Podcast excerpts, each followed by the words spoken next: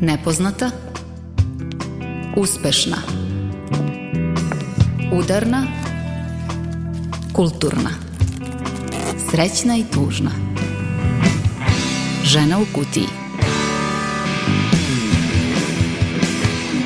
Dobar dan i dobrodošle i u februarsku ženu u kutiji. U istom sastavu i danas Tamara Srijemac i Milica Kravićak Samit, a sa nama i majstor tona Jovan Gajić ovog puta. Isti sastav, ali ista i misija, da prikažemo rodnu perspektivu u temama u kojima ona najčešće izostaje. Kako to radimo ovoga puta?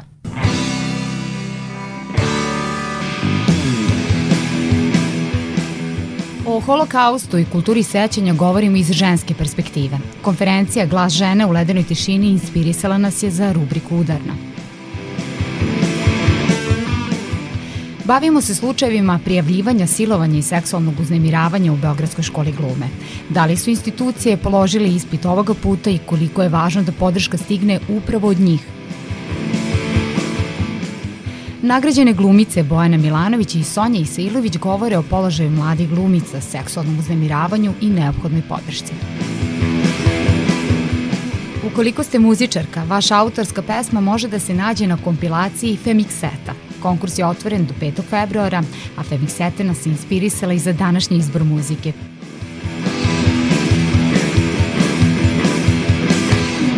Udarna žena u kutiji.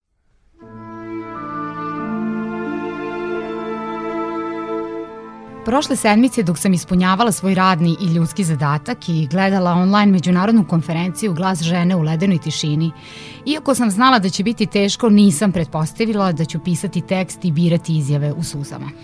Fokusiranje na iskustva žena u holokaustu i drugim stradanjima u drugom svetskom ratu i dalje, 70 godina kasnije, predstavlja nov pristup kulturi sećanja kako u Srbiji, tako i međunarodno.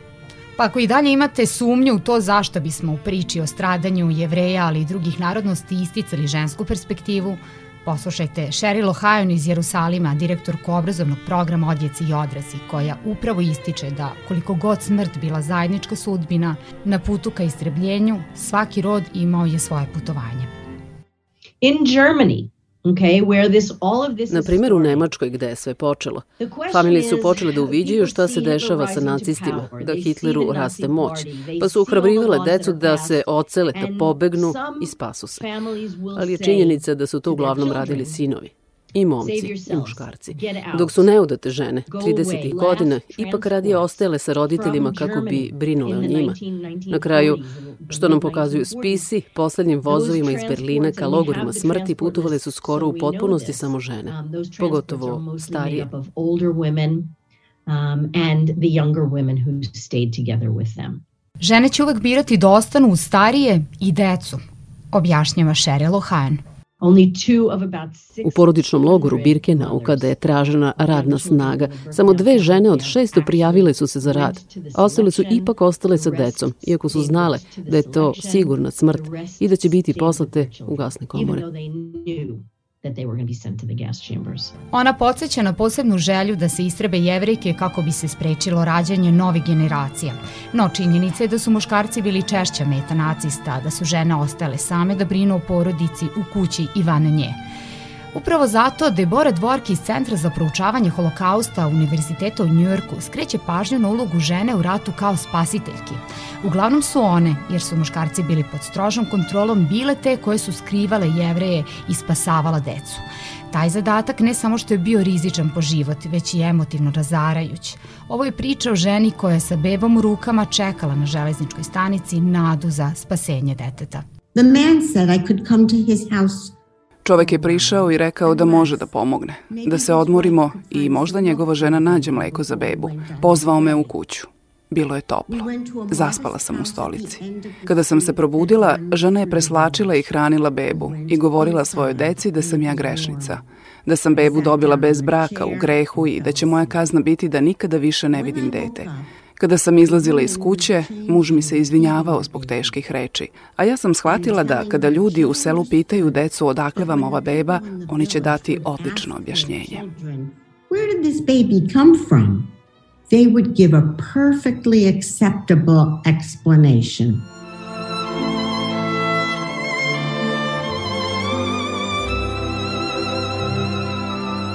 Potresne su priče o menstruaciji u logorima i snalaženju žena kada su u tim danima u mesecu. Od različitih krpica koje u gradu pravile su uloške, a u ispovestima saznajemo da ih je nebrojeno puta baš ciklo spasa od seksualnog zlostavljanja ili eksperimenata nad njihovim telima. Linda Nemet, istoričarka iz Memorialnog centra holokausta iz Budimpešte, kaže da su žene u logorima preživele zahvaljujući međusobnom ispomaganju i udruživanju. Relationships Veze u kojima su se dve žene podržavale kao sestre, delile su hranu, štitile se, a to je posebno bilo važno kada su žene bile bolesne i kada je logoraška sestra bila ta koja je brinula i lečila je. One su ohrabrivale jedna drugu da prežive i bodrile da ne odustanu. Zato ne čudi da mnogi preživele o svojim logoraškim sestrama govore kao osobama koje su ih održale u životu, i fizički i emocionalno.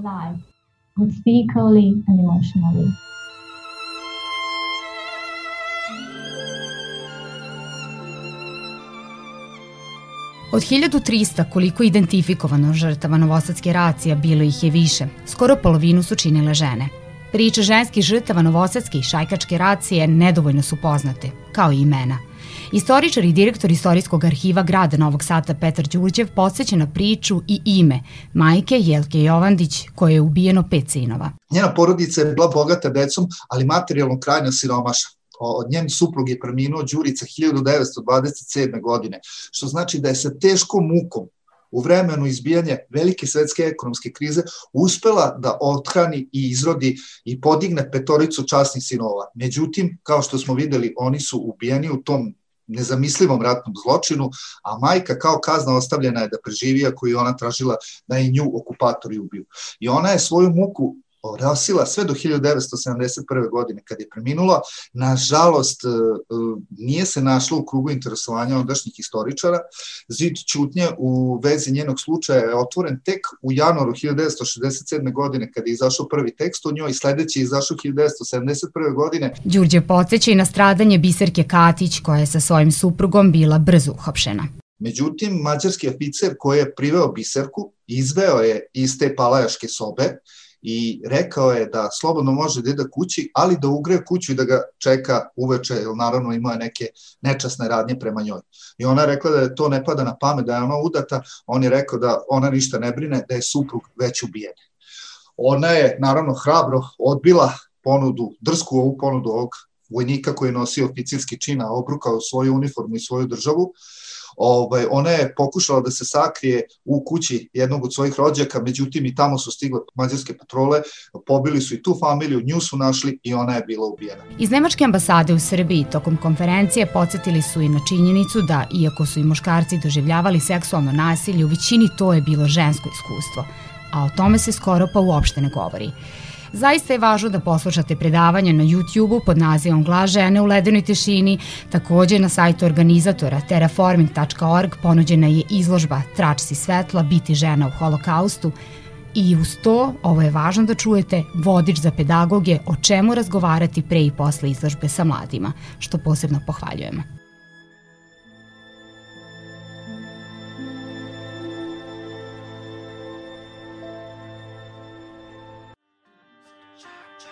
Artan Lili u svojoj pesmi kaže snažno kuca ovo srce ispod kože. I zaista je tako kada slušamo o ovim važnim i teškim temama.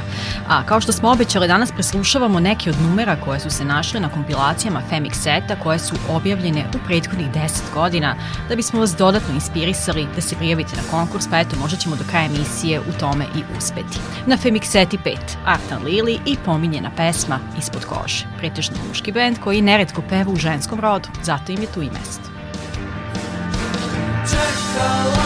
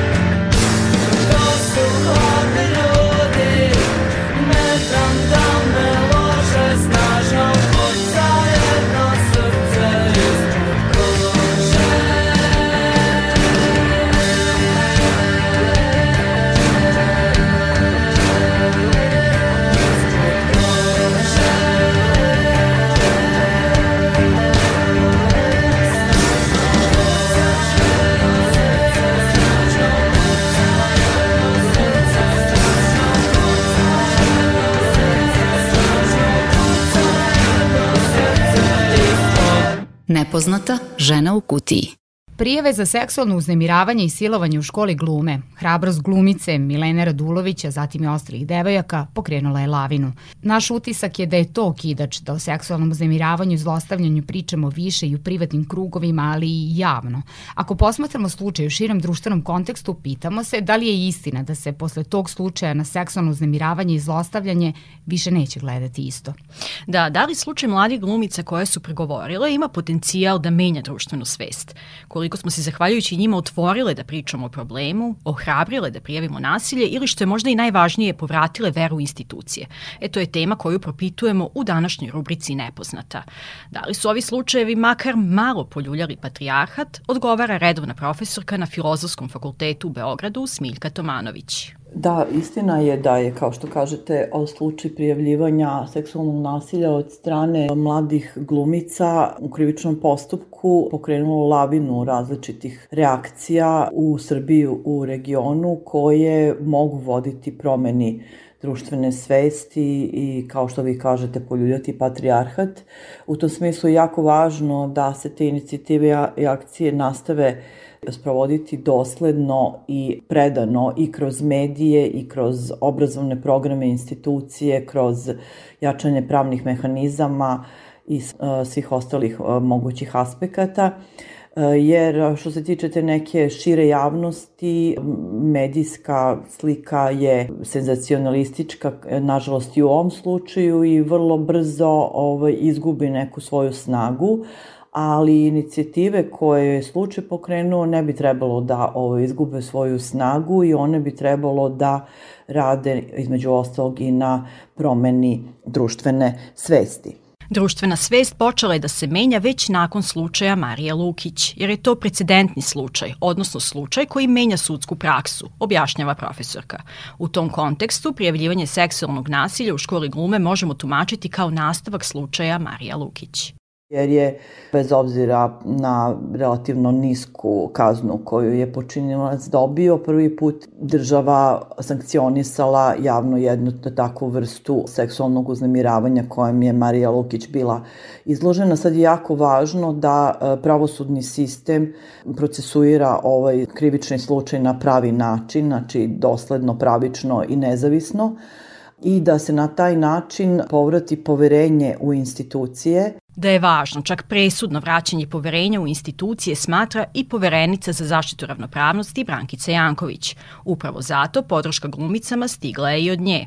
Zašto je važna reakcija institucija? Zato što od naše sadašnje reakcije zavisi kako će se u buduće građani i građanke odnositi kada su u pitanju ovakvi slučajevi, jer odluka nekoliko mladih žena da progovore o ličnoj traumi za kojih zaista stoje godine i patnje, verovatno i ličnog samo preispitivanja i straha, može da nam pomogne danas mm -hmm. da stavimo jedno drugačije svetlo na ovu pojavu koja traje vekovima. Institucije moraju slati kontinuiranu podršku da su tu zbog uh, građana, da to nije tamo nekakva hladna zgrada u kojoj sede ljudi koji nemaju nikakvog dodira sa građanima. Dakle, zbog toga je a, važna podrška, ali sada je naravno na redu tužilaštvo, pravosuđa i sada treba pustiti da taj postupak ide svojim tokom i da se utvrđuju činjenice i dokaze. Svi ovakvi slučajevi ako budu procesuirani valjano, u velikoj meri mogu da osnaže žene da postoje pravni mehanizmi koji mogu da ih zaštite od seksualnog zlostavljanja nas i bilo koje vrste nasilja. Zato je važno da svaka institucija pošalje jasnu poruku da je takvo ponašanje nedopustivo i kažnjivo, dodaje profesorka Smiljka Tomanović. Ovoga puta podrška nije izostala, kao i uvek od inicijativa, ženskih nevladinih organizacija, ali i predstavnika vlasti, političkih partija i brojnih fakulteta – Fakultet dramskih umetnosti poslao je podršku bivšoj studenkinji. Neophodno je da razumemo koliko je teško progovoriti o ovakvom problemu, posebno iz pozicije žrtve. Zato smo ponosni što je naša bivša studentkinja imala snage da otvoreno i direktno progovori o tome i podeli svoje dramatično iskustvo, čime ohrabruje i osnažuje sve one koji su bili izloženi različitim oblicima seksualnog zlostavljanja, uznemiravanja i nasilja, da o tome progovore. Od nadležnih službi očekujemo efikasnu reakciju koja će sprečiti da se slične radnje ponove na nekim novim žrtvama, kao što očekujemo da počinioci budu adekvatno procesuirani i kažnjeni. Studentski parlament Fakulteta dramskih umetnosti takođe je poslao podršku. Filološki fakultet istakao je na svom sajtu mogućnost za anonimnu prijavu seksualnog uznemiravanja i nasilja, a Filozofski fakultet u svom saopštenju između ostalog posjeća na to da je ta obrazovna institucija u decembru 2019. godine donela pravilnik o zaštiti od seksualnog uznemiravanja i ucenjivanja koji je dostupan na sajtu fakulteta. U saopštenju se pozivaju studenkinje, studenti zaposleni na fakultetu da pročitaju čitaju pravilnik, prijave slučajeve seksualnog nasilja prema opisanoj proceduri. Jedna od potpisnica saopštenja je i naša sagovornica, profesorka Smiljka Tomanović. Mi na Filosofskom fakultetu smatramo da je naša dužnost bila da takav pravilnik pre svega donesemo, da onda suočeni sa nekim njegovim manjkanjivostima ga dalje razvijamo, dorađujemo, da bi upravo obezbedili jedan kanal, jedan mehanizam koji bi um, stajao na raspolaganju svima na filozofskom fakultetu.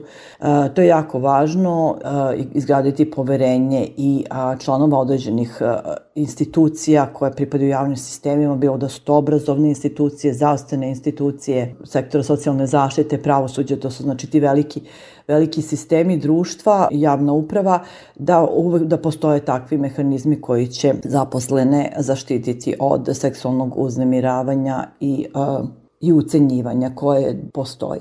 I poverenica Brankica Janković javno poziva da se obratimo instituciji poverenika za zaštitu ravnopravnosti u slučaju seksualnog nasilja, uznemiravanja i svih ostalih povreda prava. Ne postoji potreba za bilo kakvim prethodnim prijavljivanjem, najavljivanjem, dakle svaki građan i građanka mogu da dođu, dakle mi nemamo nikakve odvojene dane. Može se prijaviti pisanim putem, mm -hmm. mailom, telefonom, za slučaj imali smo da ne može građanin da, da dođe ili građanka recimo zbog nekog invaliditeta, neke prepreke ili stariji sugrađani, znači u tim slučajevima odemo i na teren da uzmemo na zapisnik prijavu, dakle ne postoji ni jedno ograničenje kako primamo pritužbu s time što ona obavezno mora biti potpisana jer zakon nam ne omogućava da postupamo po anonimnim prijavama. Mislim da je jako bitno naglasiti da se ne plaća nikakva taksa. Brankica Janković dodaje da institucija poverenika za zaštitu ravnopravnosti ima dobru saradnju sa policijom i ističe da se u poslednjih pet godina broj policijskih službenika koji je prošao obuku za prepoznavanje i reagovanje na diskriminaciju meri stotinama. Upravo inspektorka koja vodi slučaj Milene Radulović senzibilisana, profesionalna i primer dobre prakse. Glumica je to javno podelila na svom Instagram profilu a ovo molim medije da objave. Osoba koja vraća veru u život i institucije je inspektorka Vesna Gašić. Nju kada vidiš, znaš da nisi sama. Nažalost, nismo dobili od Ministarstva unutrašnjih poslova odobrenje da o ovim temama razgovaramo sa inspektorkom, pa na ovaj način prenosimo Mileninu poruku. Koliko su ovakvi primeri dobre prakse u institucijama i javne pohvale dragoceni za sve koji su u dilemi da li da prijave nasilje? Dragocene. Upotrebili ste pravi izraz Uh. -huh. To mi je ne, i meni lično negdje izmamilo mi osjet u celom onom mraku koji sam mogla da, uh -huh. da, mhm. da osetim u kome su se nalazile ove mlade devojke glumice i mogla sam da razumem sve što se dešavalo i bilo je to zaista mučno i mučno i dalje, ali mi je pominjanje imenom i prezimanjem, molba medijima, molim vas prenesite nešto dobro je mnogo značajno za sve nas U nastavku ćemo čuti šta nagrađene glumice Bojana Milanović i Sonja Isilović misle o ovome i da li je podrška presudna i važna. Pre toga slušamo numere sa Femixete. Posle prethodne priče pesma simboličnog naziva Ona, Dingo Spodali.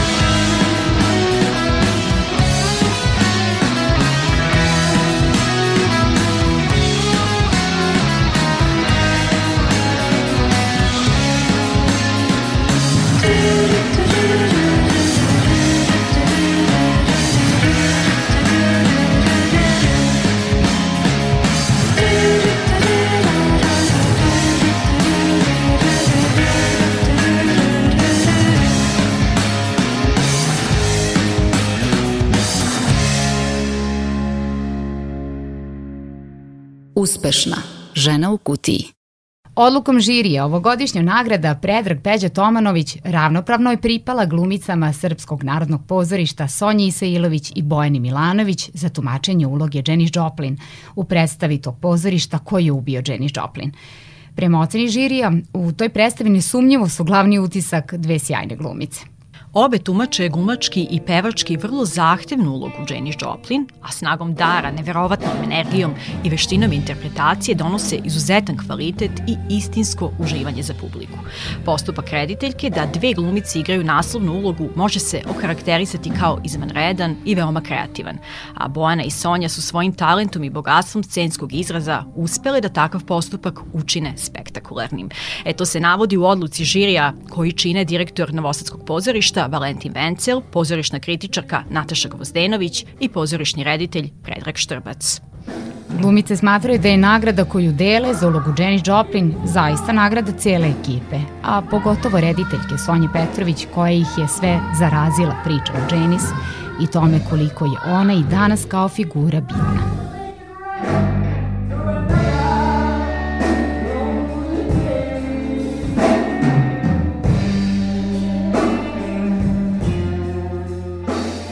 Mi jedni bez drugih ne bi mogli baš tako da funkcionišemo na sceni. To je u stvari najlepše i ono što mene lično kao glumicu najviše pokreće, pokreće na sceni. To lepo breme te nagrade može samo da inspiriše i da probudi u nama neke jel, iznova i iznova neku želju da, da budemo na sceni približno istinite, iskrene, veličanstvene, kao što je to bio Predrag Peđa Tomanović kao što ovaj, toliko, toliko ljudi govori da je on bio. Nadam se da će me jel, i kroz dalje procese predstave, jel, a i kroz tumačenje nadalje ove nama tako dragi Janis Joplin, da će nam ova nagrada uvek negde davati put i snagu kako da idemo dalje. Što se tiče same nagrade, Predrag Peđa Tomanović nama, mladim glumcima, ona mnogo znači kao i svaka nagrada, a posebno ovako jedno priznanje koje nosi ime jednog takvog glumca, o čijem talentu, radu, posvećenosti u pozorištu mi danas možemo samo da slušamo, jer eto, nažalost, nismo imali priliku da, da ga gledamo na sceni. Glumica Bojana Milanović istoimenu nagradu dobila i kao najbolja studentkinja Akademije umetnosti u Novom Sadu 2016. godine. Tada sam bila presrećna jer je to bila moja prva nagrada, a sada pet godina kasnije kada opet dobijam ovu nagradu koju ravnopravno e, delim na moju veliku sreću sa svojom koleginicom Sonjom Isailović za ulogu Janis Joplin u predstavi koju je ubio Janis Joplin, e, shvatam značaj i težinu i odgovornost dobijanja e, ovakvog priznanja. Glumica dodaje i to da sada, sedam godina nakon završetka studija, može da zaključi da predan rad i srce i duše ipak nije garancija da ćete dobiti mesto u pozorišnoj kući i da ćete osigurati dobru karijeru sigurnost. I to je ono što negde demorališe, a s druge strane mnogo osnažuje što je u mom slučaju tako. Nekad naravno mi dođe žuta minuta pa hoću da poludim od svega, ali u najvećoj meri me to ohrabruje. Sve te nagrade imaju još veće značenje, e, jer su nešto što u stvari niko ne može da vam oduzme. I onda su one u stvari pravi dokazi, prava stimulacija da idete dalje baš tako kako, kako ste naumili. I baš tako punom snagom, bez ikakvih zadrški i bez ičega da vas pokoleba u tome. U realnosti obojenoj događajima koji na magični glumački svet bacaju i tamne boje, a tiče se ispovesti beogradskih glumica o seksualnom zlostavljanju u školi glume, Sonja Isailović i Bojana Milanović sa svojim koleginicama empatišu. Bravo za te divne devojke, ja zaista imam samo reći podrške za njih i ne mogu da zamislim koliko je bilo teško istupiti i preuzeti tu ogromnu odgovornost. Svaka čast na hrabrosti da se o tome progovori, jer zaista to nije nešto što su one tražile, da budu pionirke ovakve teme u Srbiji.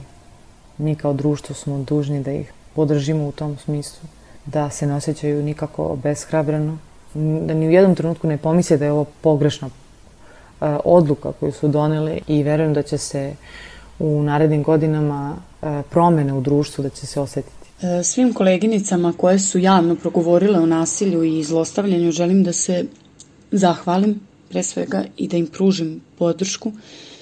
Hvala im za hrabrost i što su osnažile i potakle mnoge da progovore o bilo kom vidu zlostavljanja. Samo se nadam da i volela bih da se to ne zaboravi tek tako i da svi oni koji nasilje čine da se prispitaju sledeći put kada bi uradili tako nešto. Ono što je važno jeste da ne začutimo pred ovakvim iskazima, nego da podržimo ovu priču, to jest ove priče naših koleginica, upravo svojim pričama.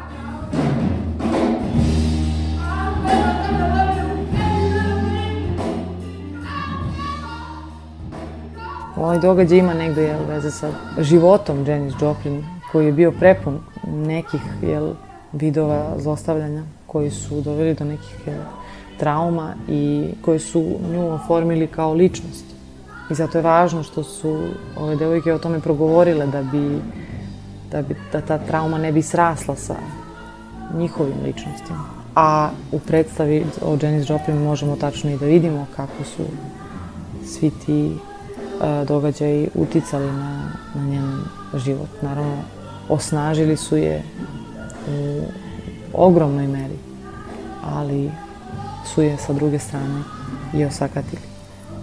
Zlostavljanje zaista ima toliko svojih e, nijansi da nekada ne možemo čak ni da to prepoznamo. I bitno je da znamo da se takve posledice mogu sanirati, samo je jako strašno šta one ostavljaju u samom čoveku, čime se mi na kraju krajeva i bavimo u predstavi.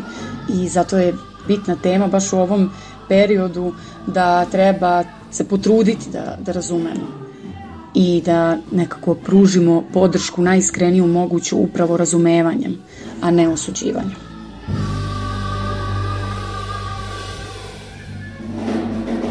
Ko je ubio Jenny Joplin? Predstava o kojoj smo u Ženi u kutiji već govorile i želimo da vas inspirišemo da je pogledate, igra u Srpskom narodnom pozorištu 8. i 9. februara od 19 sati. Pesma Meduza kanta autorke Olivere Popović objavljena je na prošlogodišnjoj Femikseti. Mi rado slušamo u Ženi u kutiji, pa tako i sada.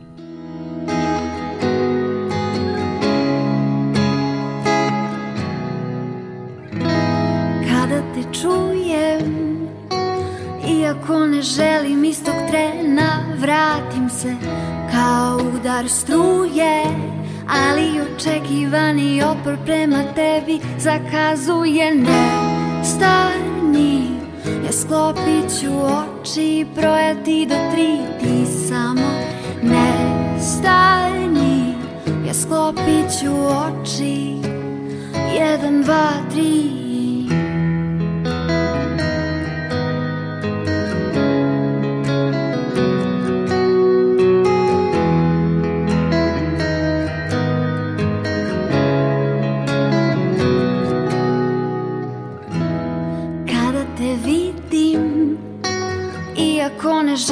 potpuno se skamenim Ti si kao meduza A ja ne znam kako da se odbranim. Ne stani Ja sklopit ću oči Brojati do tri Ti samo ne stani Ja sklopit ću oči Jedan, dva, tri Ne stani Ja sklopit ću oči, brojati do tri Ti samo ne stajni Ja sklopit ću oči Jedan, dva, tri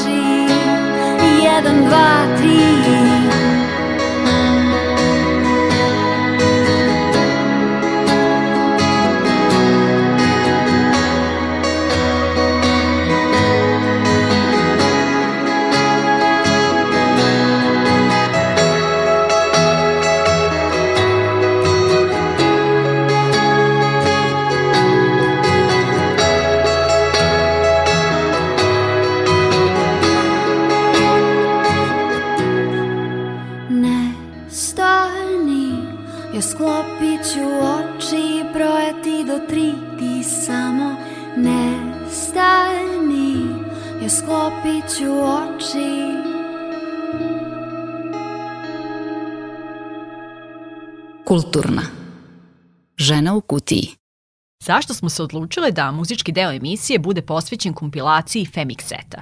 Zato što spaja feminizam i kvalitetnu muziku. To je godišnja kompilacija pesama kompozitorki, kantautorki i bendova sa ženskim autorskim učešćem. Izlazi jednom godišnje još od 2010. godine, a u ovoj godini očekujemo Femixetu 9. Da bi se vaša pesma našla na kompilaciji, trebalo bi da se prijavite na konkurs koji je raspisalo udruženje, odnosno mreža ženskog stvaralaštva Femix. Poziv je otvoren za sve bendove i muzičarke iz Srbije koji žele da učestvuju sa svojim novim pesmama. Koji su osnovni kriterijumi za učešće na kompilaciji čućete od muzikološkinje i selektorke Femixete Katarine Mitić u razgovoru sa Tamarom potrebno je da, da je pesma na novijeg datuma, znači da je nastala od 1. januara 2020. godine pa do sada. Uh. -huh. Dužina ne bi trebala da pređe 5 minuta. E, žanrovski smo otvoreni za kompozicije svih tipova i e, to je ono što nekako je stvarno pojedino Svenik Sete i njena prednost jer nema žanrovskih ograničenja. Važno je da je pesma autorska, da nije obrada, i koliko imaju još možda neka dodatna pitanja uvek mogu da nam se obrate pa ćemo razjasniti. Da, vi ste otvoreni tu naravno i za dijalog i sve informacije, ali hajde sad da možda da dopunim ovu priču da pitam da li mogu da se prijave autorke koje su već učestvovali u nekim prethodnim konkursima, odnosno čije su pesme se našle na nekoj od prethodnih Femix seta i da li u tom slučaju e, nove autorke imaju prednost? mi uvek to i podržavamo, znači uvek neko ko do sada učestvovao na Femix seti ima pravo da se prijavi naravno sa, sa, sa no, nekom novom pesmom, pa nema pravila, prosto želimo da promovišemo dobru muziku mm -hmm. i nekako biramo kompozicije za koje smatramo da te godine treba da se nađe na izdanju, čak i ako možda nekad ne izaberemo neku kompoziciju, ali vidimo potencijal, mi vrlo rado nekako damo povratnu reakciju i neke smenice kako bi ta možda muzika mogla da se unapredi, ali prosto nema pravila, otvoreni smo znači i za sadašnje učesnike i učesnike samih kaseta. Dakle, glavni kriterijum je kvalitet. Yeah. E, do kad je rok za slanje? Ima li nekih tehničkih napomena u smislu kom formatu treba poslati i šta od podataka staviti? Rok za slanje je 5. februar. Potrebno je da kompozicije koje se šalju budu u WAV fajlovi, znači u WAV formatu uh, i šalju se putem vi transfera na naš mail femixinfo.gmail.com Na sajtu ima detaljno otprilike što treba od informacija preslediti zajedno sa, sa pesmom. Ja mogu samo da pomenem neke, naravno naziv pesme ili kompozicije, ime kant autorki, kompozitorki ili benda, e, takođe tekst, ukoliko postoji, jer smo mi otvoreni i za in, samo instrumentalnu muziku, znači instrumentalne kompozicije, e, imena i prezimena svih izvođača numere. Da, naravno, e, to, to nismo napomenuli, znači pesma e, možda je već negde objavljena mm -hmm. u okviru mhm. neke izdavačke kuće i te pesme takođe se mogu prijaviti, samo da su ovog novijeg datuma. Svake godine selekcija bila uglavnom na jednoj osobi, sad onako jači selektorski tim. Ti si, Katarina, jedna od žena koje učestvuju, koje će se pesme naći na kompilaciji. Hajde sada da nam spomeneš ko odlučuje o tome još uz tebe. Pored mene tu su Ana Janković iz benda Stray Dog i e, devojke Ana Marija Cupin i Milana Milutinović iz benda Repetitor kao predsednik jednog pravog ženskog benda, u stvari mm -hmm. žene u većini. E, mi stalno govorimo kako su primeri važni i tako da nekako i kroz e, osobe koje izaberemo da budu o, selektorki ili ovaj put deo selektorskog tima želimo da ukažemo na dobre primere. Da, ja verujem da će selektorski tim dobar posao uraditi i ove godine uh, i hajde u tom smislu možda još više da motivišemo autorke da se prijave, da nam kažeš koji su benefiti uh, autorki kada se njihova pesma nađe na kompilaciji. Nije jedini benefit da se uh, pesma pronađe na muzičkoj kompilaciji, iako to jeste dobra i važna stvar, jer je Femixeta jedinstvena kompilacija ne samo u našoj zemlji nego i regionu. Mm -hmm. Tako da, uh, pored uh, objavljivanja E, tu je i medijska podrška, znači trudimo se da promovišemo sve učesnice i učesnike Femixete, e, dodatna edukacija, jer smo godinama shvatili da im to dosta nedostaje, pa čak i nekima koji imaju višegodišnje iskustvo, edukacija iz oblasti muzičkog biznisa i prosto svih tih nekih nedoumica dakle kako krenuti, kome se obratiti. Takođe, mogućnost učešća na Femix Festu koji nam prestoji u mm -hmm. martu mesecu i nekim drugim događajima koje Femix organizuje, kao i e, nekako podrška u budućoj potencijalnoj saradnji sa nekim domaćim izdavačkim kućama koje su e, feministički nastrojene i nekako e, podjednako podržavaju i ženske i muške autore. Da, zaista čitav jedan paket, nije nikako samo objavljivanje jedne pesme. Kakav je generalno utisak, koliko je Femix Etra dobra referenca za kasnije? Znate kako, nekome ko, ko na primjer nikada nigde nije objavio ništa, pojavljivanje na jednoj kompilaciji te kako znači mm -hmm. i može da bude lepa polazna tačka, ali takođe mi smo imali situacije gde već vrlo dobro afirmisane izvođačice i autorki i bendovi su slali uh, prijave na, na naš konkurs Pa da, tu je bila da, i zemlja Gruvajlo, Brigida, Biti pa Tibi. Tako je, uh mhm. -huh. Autopark, Artan Lili, uh, Ana Ćurčin. Tako da uh, u svakom slučaju je nekako uh, dobra je referenca i uvek je dobro kada se vaša muzika nađe na, na više nekih, ne kanala nego mesta, uh -huh. i, uh, ka, jer je prosto način da dođe do publike lakši i, i brži.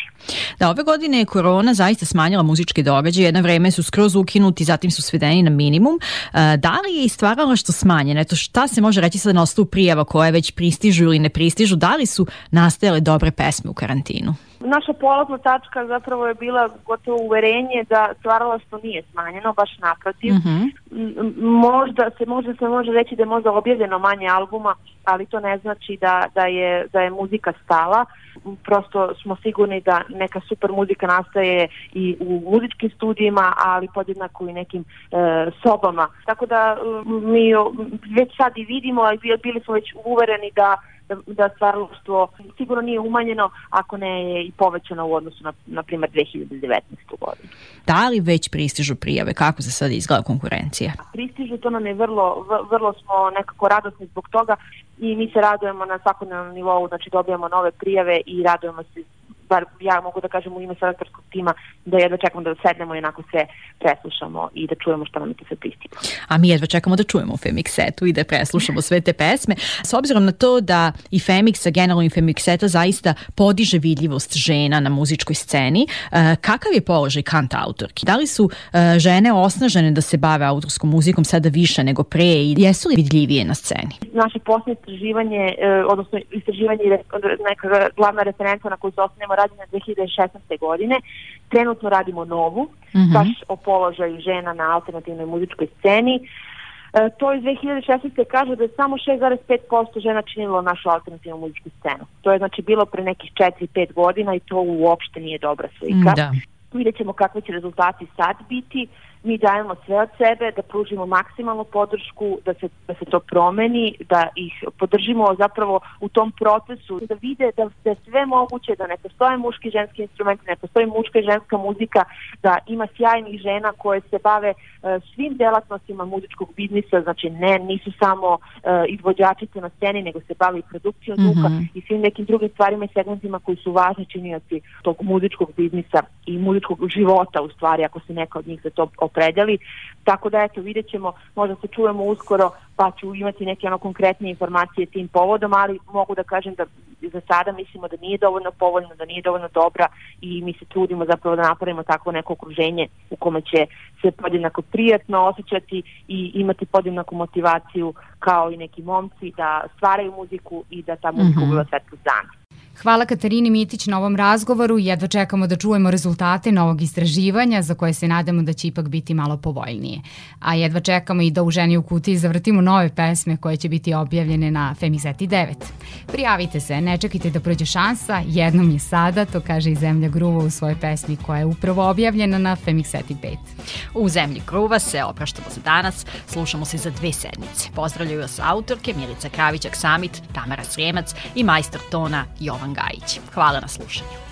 Brinem se jer sam sabrala Oh, koliko vremena sam provela Dok sam nepotrebno dugo spavala Za džabe radila, pare jurila Džubre skupljala, džubre bacala U redu čekala, na tebe čekala Bila nervozna jer nisam dobila Oh, koliko vremena potrošila Pa sam opet sabrala Da vidi koliko sam vremena potrošila Dok sam o svemu nepotrebno ništa nisam smela jer sam brinula